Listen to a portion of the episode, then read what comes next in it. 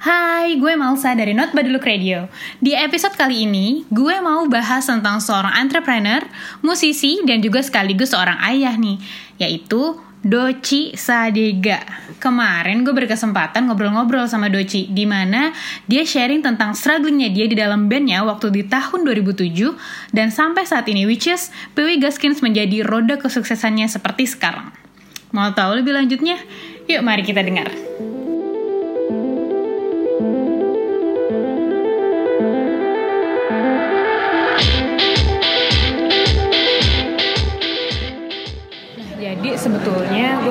Pengen nanya kan um, Pak Doci nih dulunya nggak dulu sih sampai sekarang juga masih anak band ya. Nah gue pengen nanya uh, lo tuh gimana selama ini awal mulanya da, lo buat lo jadi uh, lo bikin si grup band ini gimana? Ini pertanyaan yang pasti lo udah sering jawab sih, cuma gue pengen denger aja langsung. Kalau sebenarnya kalau main musik tuh dari SMP udah udah main musik, terus uh, baru serius di musik bisnis itu sejak uh, band sebelum Piwi yang lumayan serius itu dulu namanya Side Project ya. Side Project itu band emo dari tahun 2001 sampai tahun 2005. 2005 keluar, hmm. terus sempat nggak nggak nggak ngeband lagi sampai akhirnya ngebantuin Sherina. Hmm. Sherina waktu itu uh, bikin project solo yang udah dewasa. Terus kebetulan dulu kakaknya Sherina itu pacaran sama kakaknya uh, pacar gue waktu itu. Jadi kayak dikenalin itu, ini bantuin Sherina tuh main gitar ya udah akhirnya di situ yang pertama kali uh, kenalan sama orang-orang uh, yang ada di industrinya kayak dari dari labelnya. Terus uh, udah jadi belajar sistem manajemennya gimana terus cara dia promosi link-linknya gimana uh, semua mekanisme bisnis yang ada di band yang seharusnya lah gitu. Belajar sama Sherina itu sampai akhirnya tahun 2007 uh, ketemu sama teman-teman yang sekarang di Piwi Gasins ini bikin band terus uh, ya udah setelah ada kendaraannya jadi bisa diterapin tuh semua yang belajar dari Sherina gitu. Kayak uh, gimana caranya uh, biar musiknya didengar tapi nggak nggak mengandalkan media mainstream. Kan dulu kan uh, cara cara convenientnya adalah ya promosi di, harus di majalah atau harus di TV harus, harus di radio gitu. Sedangkan waktu itu lagi berkembang namanya MySpace. MySpace itu di mana asal MySpace zaman dulu hmm, asal bisa ngedirect orang ke situ ya basically lo bisa ngiklanin apa yang lo suguhin gitu. Dan MySpace itu bener-bener yang satu package. Jadi nggak cuma jualan musik doang tapi image yang mau di uh, bentuk dari band itu dari artwork dari konsep segala macam tuh bisa dituangin di MySpace gitu. Jadi dulu bener-bener bikin Kiwi Gaskins uh, ngandelin MySpace. Dan uh, yang bikin orang aware adalah gue sadar bahwa Indonesia itu anak-anak uh, sini tuh lebih apa ya lebih ngeliat uh, apa yang sukses di luar baru bisa dikonsumsi di sini. Oh gitu. Gitu misalnya. Jadi dia lebih kayak ke ibaratnya kiblatnya dia keluar ya, dulu baru keluar, nah. baru dia lihat ke market nah, Indonesia. Dan, jadi itu uh, yang dipakai Piu Essence uh, untuk ngebentuk gimana caranya supaya kita tuh diterima di luar dulu baru di sini karena otomatis kalau di, di luar diterima di sini pasti diterima gitu. Dari dari MySpace itu uh, kita bisa apa ya uh, nyebarin musik sama awareness dari profil-profil yang yang bule gitu profil uh, dari dari dari Amerika. Pokoknya engagementnya lebih bagus di Amerika lah. Dan itu bisa dilihatnya dari uh, jadi kalau misalnya malam-malam nih message message uh, orang-orang sana gitu suruh dengerin lagunya. Terus kalau misalnya suka suruh ngirim foto balik yang ada tulisan Piwi Gaskins atau apa gitu yang kayak wow punya fans di orang bule gitu. Terus itu tuh bener-bener di ini banget di apa oh, tapi pernah melakukan hal seperti itu? Ya justru ini yang yang oh, dulu kebentuk si Piwi Gaskins. Dilakuin oke. Okay. jadi setelah kayak gitu baru uh, anak-anak situ apa sih ini Piwi kok? Gue nggak tahu. Sedangkan ini padahal ini band Jakarta gitu. Tapi kok udah udah dikenal di uh, di di sana duluan gitu. Terus kayak sering banget tuh kayak minta apa sih kayak minta testimonial dari band-band band-band yang gede di sana. Terus uh, mereka komen di uh, apa bionya si eh apa uh, akalnya si Piwi Gaskins terus kita screen capture terus itu bener-bener dijadiin banner gitu loh. Kayak misalnya all time lo komen uh, nice music atau apa gitu. Itu itu yang bikin bikin jadi jadi cepet banget ibarat Piwi Gaskins tuh kayak gitu dulu. Nah terus dari uh, dari situ MySpace itu kalau nggak salah sama sama Friendster ya. Kalau kalau eh, kalau kalau Friendster tuh lebih apa ya? eh, dulu Oh, sempet ke Friendster juga promonya. awalnya justru eh, awalnya kayak kalau nggak salah Friendster dulu baru MySpace. Jadi Tuhan. eh, cuman Friendster itu untuk ngedirect orang ke MySpace. Oke. Jadi karena karena user di Indonesia lebih banyak pakai Friendster, akhirnya itu itu jadi jadi apa? Jadi sarana untuk orang ke MySpace tuh. Nah pokoknya intinya kita nggak bentuk semuanya itu di MySpace. Eh, semua kayak kita sering nulis blog eh, di di MySpace juga, terus semua yang harusnya lo biasanya dapetin di majalah eh, untuk interview eh, apa dari dari interview ini kita kayak interview diri sendiri terus kita publish di sana gitu. Jadi kayak kayak ngulik ngulik ngulik bandnya itu semua bisa didapat di MySpace lah. Itu sampai akhirnya tahun 2008 kita launching hmm, eh 2007 dulu, 2008 launching EP itu kita launch di Spazio Pondok Indah Mall. Hmm. jadi itu dulu bener-bener eh, apa ya dibikin dibikin hype banget. Itu cuman dari MySpace. Terus tahu Spazio nggak sih tempatnya di mana. Spazio itu dulu di sekarang di PIM tuh di Good Step Oh, oke. itu tuh tadinya kayak klub gitu. Itu dulu pas kita lagi launching di situ orang ngantri sampai ke XXI. Nah terus eh, terus itu ada di MySpace jadi bener-bener kayak kayak dibikin hype lah kalau kalau sekarang tuh. Terus eh, dari situ akhirnya eh, pertama kali di eh, dilirik itu sama SCTV kalau nggak salah dulu. Kita main di Oh, inbox. sempat main TV juga. iya kita main di inbox sampai yang eh, kita main di inbox itu di di eh, timingnya itu lagi gede-gedenya band-band band-band Melayu kayak Raja atau ya lagu-lagu yang kayak gitu. Jadi bener-bener kayak apa sih kayak in your face gitu loh. Bisa bisa masuk TV dengan dengan musik yang sebenarnya nggak main nggak mainstream.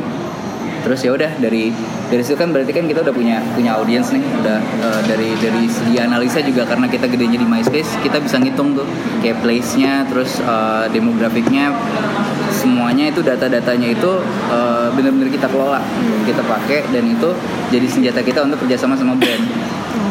Jadi eh, pertama kita waktu itu kerjasama sama Volcom pernah kita, kita ngasih ngasih proposal ini ada eh, band band gue PW Gaskins genre kita gini ini statistiknya ini pendengarnya segini terus place kita segini. Jadi kalau misalnya eh, apa kalau lo mau kerja sama sama kita udah terukur gitu ininya engagementnya. Itu zaman di mana orang belum kepikiran pakai pakai Google Analytics dulu. Kita gunain itu terus eh, kita kerja sama sama siapa, siapa aja ya pernah. Sama Volcom sama Avance brand brand Australia eh, Super Sunglass eh, Itali Levi's Wrangler Oh, banyak juga. Di Nike. tahun dulu tuh, di dari 2008. pokoknya dari tahun 2007 sampai 2015 Oke. itu senjatanya cuma pakai analytics gitu pakai pakai Google Docs eh Google Analytics terus eh, dari situ juga kan jadinya terukur eh, apa yang akhirnya tahun 2010 gue memutuskan untuk bikin si Sunday Sunday itu karena eh, apa dari engagement gue kerja sama sama brand. Waktu itu lagi lagi kerja sama sama fans merek Australia. Itu mereka ngasih data kayak eh, dampak dampak di mana PW Gaskins pakai brandnya. Itu sale-nya eh, jadi lebih banyak. Sama eh, demografinya yang yang jual di mana aja udah udah terukur sama si fans. Ya udah berarti dengan da- dengan mengandalkan data itu berarti gue tinggal bikin brand aja gue bisa ngiklain brand orang kenapa gue nggak bisa bikin bisnis sendiri akhirnya mulai 2010 develop si Sandy Sandy Oh gitu. Oh jadi eh, dari situ baru mulai ke clothing gitu. Hmm. Nah ini kan perpindahannya maksudnya dari band terus ke si Sandi Sandiko ini ke clothing. Ini dia baru mulai di clothing itu di tahun 2010. 2010 Eh, soalnya kalau sebenarnya kan satu ekosistem ya Eh, musik perlu fashion untuk untuk statementnya gitu terus eh, ya masih masih apa ya masih masih masih ada ininya masih re- masih relevan gitu bisnisnya Sandi Sandi sama si Piwi. Jadi sebelum sebelum Sandi Sandi eh, bisnisnya adalah merchandise. Oh, merchandise Piwi Gaskins. Nah, tapi kan merchandise dibagi lima orang. Sandi Sandi cuma satu orang. Waktu pertama kali buat Sandi Sandi ini kan jatuhnya kayak e-commerce ya, jadi kayak online. Eh, online iya, shopping tadi. gitu ya. iya e-commerce. Nah, Kalau misalkan waktu pertama kali dia uh, kalau Doci sama sama tim buat Sandi Sandi itu pertama kali susahnya tuh apa waktu yang buat? Kayak ada kayak anjir nih kayaknya nggak bisa deh gitu. untungnya kan sebelum sebelum dibikin si sandi sandinya kan kendara- kendaraan untuk promosinya udah ada. Dari PW Gaskins dari dari Instagram juga dari Facebook. Terus hmm, Friendster udah nggak ada sih masih juga ada. Ya, dari Instagram sekarang. ya dari Instagram. Media. tapi dulu itu tahun 2010 Instagram belum jadi ini banget sih belum jadi Berarti pada saat itu Sandi paling Sandi Sandi Sandi dulu ngiklaninnya di mana ya? Instagram. Iya pernah nggak? Maksudnya waktu udah di zaman Sandi Sandi pertama kali muncul dia uh, ngik- uh, ngasih awareness ke orang-orang itu paling lewat ini doang ya lewat akunnya Kadoci doang gitu. Iya. atau dia pakai ads juga nggak? Pakai paid? Nggak, eh, pakai paid itu baru baru dua tahun ke belakang sih. oh baru dua tahun belakang ini. Jadi jadi si pas mau mulai si Sandi Sandiko ini nggak belum belum nemu Belum, karena gini, eh, banget karena di dalam dari dari skala audiensnya eh, masih lebih banyak demandnya daripada supply-nya. Jadi kita waktu itu ma- masih belum kepikiran untuk eh, daripada nantinya kita over apa ya nggak bisa menuhin si demandnya ya udah pakai pakai cara ini aja gitu sampai tahun 2000 2015 berarti ya 2015 masih nggak nggak ada ads berarti baru mulai kayak 2017an baru pakai ads. Hmm. Terus kan selain yang aku tahu kalau gue searching di Google tentang Kadoci ini kan banyak banget nih. Kalau selain clothing lines gue juga liat lu Ada restoran. iya restoran. Itu masih ada nggak sampai sekarang? Eh masih restoran masih ada. fix? restoran sekarang eh, tapi itu dikelola sama nyokap bokap sih. Oh gitu. Jadi dulu itu eh, bikin itu dulu sebenarnya bikin bikin restoran, bikin restoran dulu. baru clothing baru bikin sandi sandi jadi sandi sandi itu pertama dijualnya di di restorannya juga. Di Oh. shopnya itu pertama di restoran terus eh, kita ordernya by WhatsApp sama by line. Terus Instagramnya cuma untuk katalog sama itu. Jadi ini juga smooth jalannya yang ini? Hmm, dibilang smooth juga enggak sih naik naik turun naik turun. Yang paling susah dari bisnis adalah mengelola uang. Nah ya itu dia. Gimana? Apalagi ini ini dulunya bisnis yang cuman cuman ada gue doang di bisnis ini. Yang yang lainnya paling cuman eh, admin admin sosial media sama yang ngurusin shipping segala macam. Cuman kan marketing ngurusin produksi segala macam kan gue kan. Dan ini masuknya di personal account gue juga. Jadi kadang-kadang eh, I make this eh, amount of money I spend it all tapi harusnya ada produksi baru lagi. Jadi eh, kayak gue perlu modal lagi nih untuk untuk untuk uh, untuk apa biar bisa terus uh, produksi terus. uh, lama-lama kayak gitu capek juga karena nggak apa ya uh, kalau gue pribadi soalnya agak susah untuk organize organize uang gitu. Sampai akhirnya bikin tim yang bener-bener ya ada yang ngurusin itu gitu. Kayak sekarang akhirnya gue partneran sama orang walaupun share gue sekarang berkurang tapi dengan kapasitas orang yang lebih banyak harusnya uh, income-nya juga juga nambah. Yang paling susah ya itu. Organize Organize. keuangan. Uang soalnya apa namanya kayak kalau menurut kan tadi kalau modal kan tadi kayak modalnya dari mana lagi nih? Kalau menurut Kedoji sendiri itu kita kalau misalkan mau mulai startup baru nih startup kecil baru gitu itu um, mendingan kita modal kita sendiri atau kita kayak pinjem dari mana gitu? Waktu Kadoji kan gimana modal? Banyak preferensi. Kalau misalnya kalau misalnya minjem Sama. eh, minjem juga nggak ada salahnya sih asal asal bisnis plannya bener gitu kan. Kalau kalau kalau gue kan emang dulu sebelum start Sunday Sunday emang dibikin awarenessnya dulu kalau gue mau bikin brand. Jadi kayak sebenarnya sebelum sebelum gue jualan brandnya udah ada tapi belum dijual gitu itu Jadi, berapa lama eh, sampai barangnya kejual? Sampai barangnya muncul di pabrik 6 bulan 7 bulan kali ya. Oh, Jadi gue kayak bikin yang cuman cuman cuman personal buat gue doang, gue pakai manggung terus ada fotonya sampai akhirnya nanya belinya belinya di mana. Oh, oke. Baru sekalian gue siapin produksinya. Terus pas gue pernah satu uh, di titik di mana demandnya ada tapi gue nggak bisa jualan karena uangnya habis. Akhirnya gue bikin pre-order. Jadi gue jual barang yang barangnya belum ada. Dengan uh, berarti ada potongan karena pre-order kan. Jadi akhirnya dari pre-order itu yang jadi modal untuk produksi selanjutnya jadi sebenarnya yang paling mahal adalah biaya untuk marketing dan marketing itu sebenarnya bisa nggak bayar Bisa nggak bayar? bisa nggak bayar Gimana tuh maksudnya? ya suruh temen pakai Oh, di endorse. iya yang Endorse orang. ah, kayak Eh, tapi kan itu kan juga bayar kalau endorse orang. Iya, ngendorse orang kalau misalnya eh, kalau mempergunakan koneksi Oh, Oke. kan.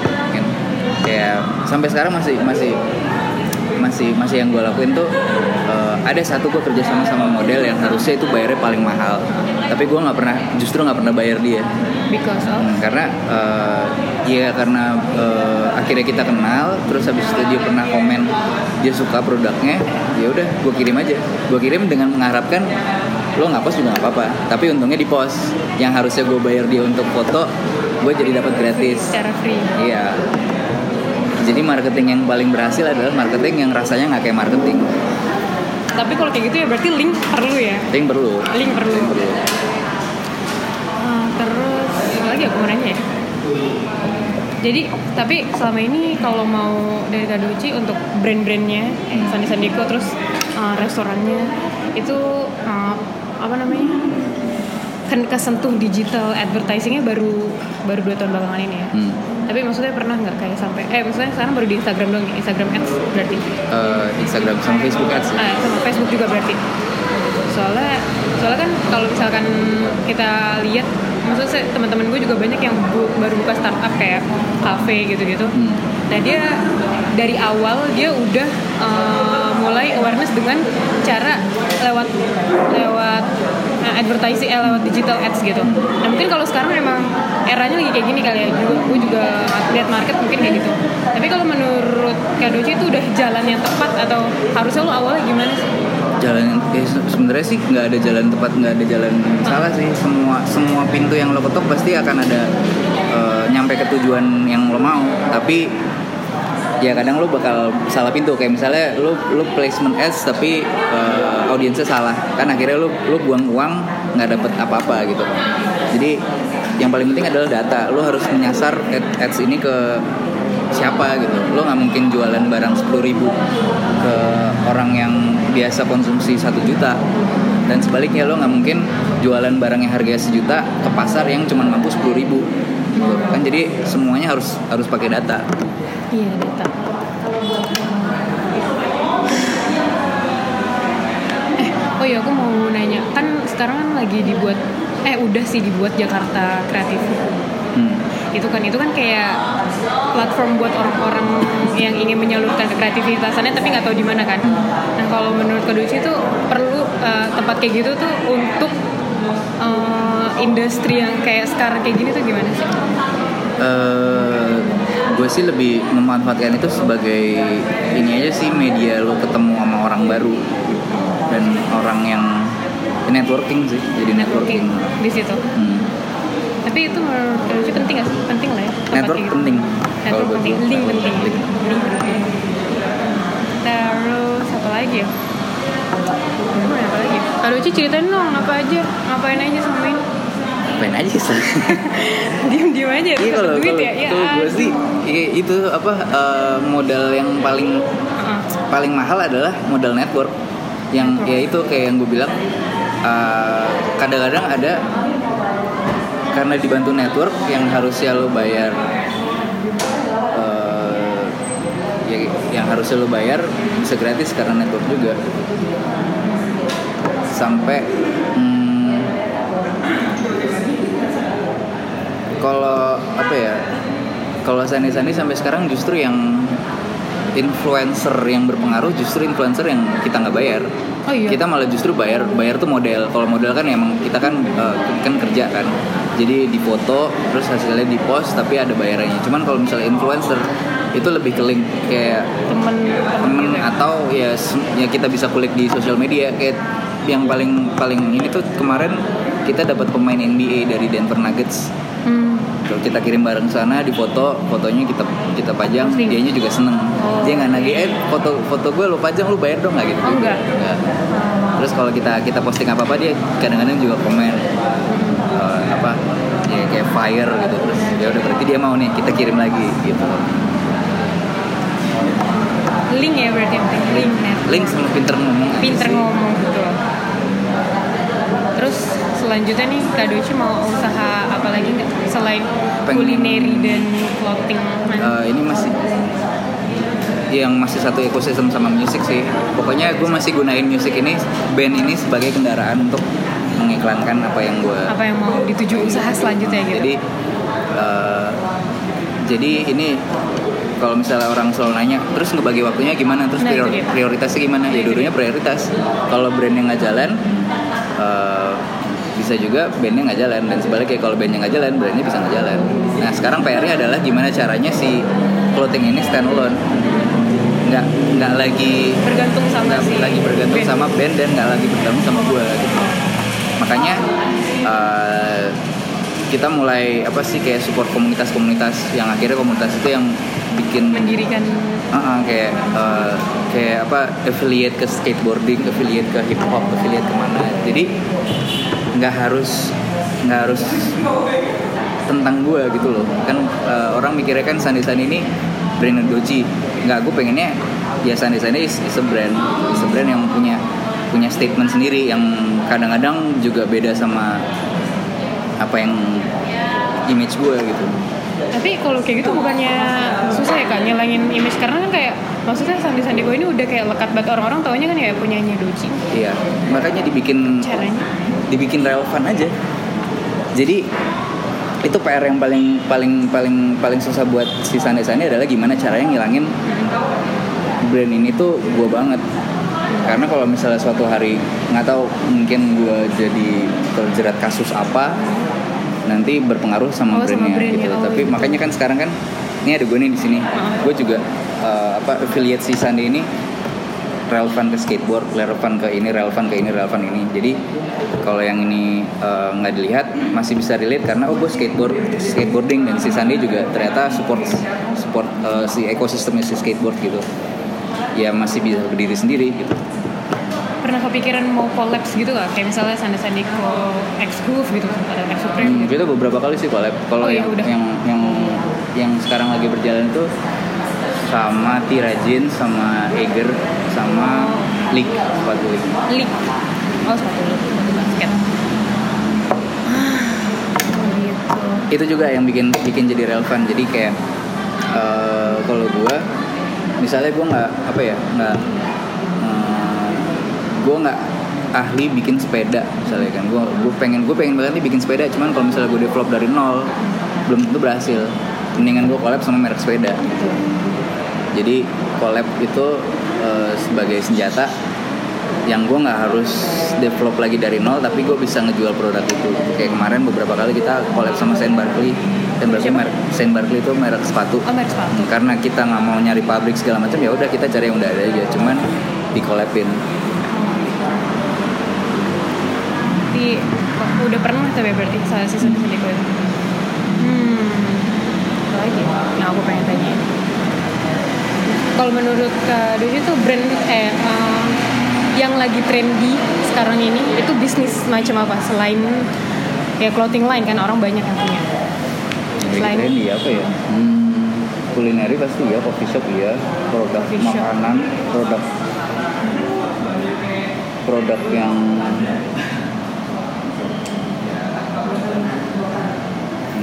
ya apa ya itu ya paling coffee shop sama clothing Coffee shop sama clothing dan bisa juga dua-duanya jadi satu. Coffee shopnya bikin merchandise, jualannya clothing Jualannya juga. clothing juga. terus tadi pas eh, aku mau nanya tadi pas yang Sandi Sandiko awal mula kan itu kayak ke- kesulitannya sedikit kan maksudnya nggak yang gede banget gitu kan berarti itu itu termasuk hoki nggak Enggak, karena untuk mencapai titik itu ada effortnya. Kayak yang tadi kan kita kan ngumpulin data dulu. Gue nggak Oh, iya mungkin benar. bikin bikin sesuatu yang eh, jadi sebenarnya pas bikin bikin Sunday bukan gambling, gue udah tahu ada yang beli gitu. Mhm. Jadi tapi untuk menuju ke situ ya eh, dicoba dulu di eh, bidang lain kayak tadi merchandise PW Gaskins terus eh, dengan apa clothing clothing yang gue represent waktu itu yang akhirnya bisa bisa jadi eh, bisa bisa lebih ngejual setelah diiklanin sama Piwi gitu.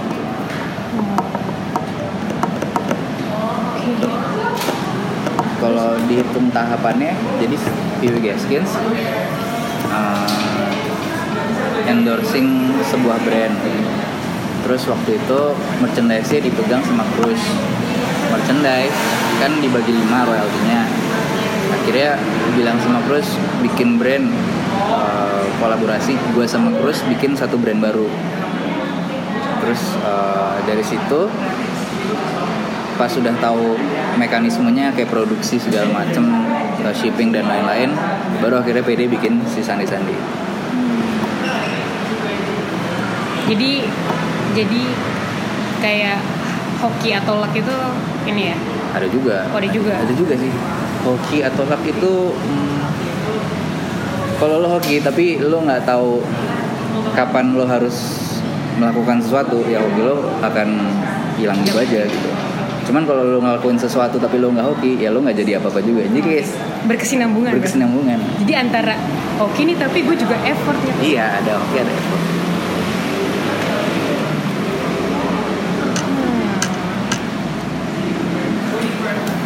Habis ini mau ke mana lagi gak? udah. Udah. Sibuk banget ya. Kantor. Apa? Kenapa? Kantor lagi hari ini ya abis ini. Iya gue balik lagi kantor kantornya di mana? Kantor gue di The Plaza Plaza Indonesia. Oh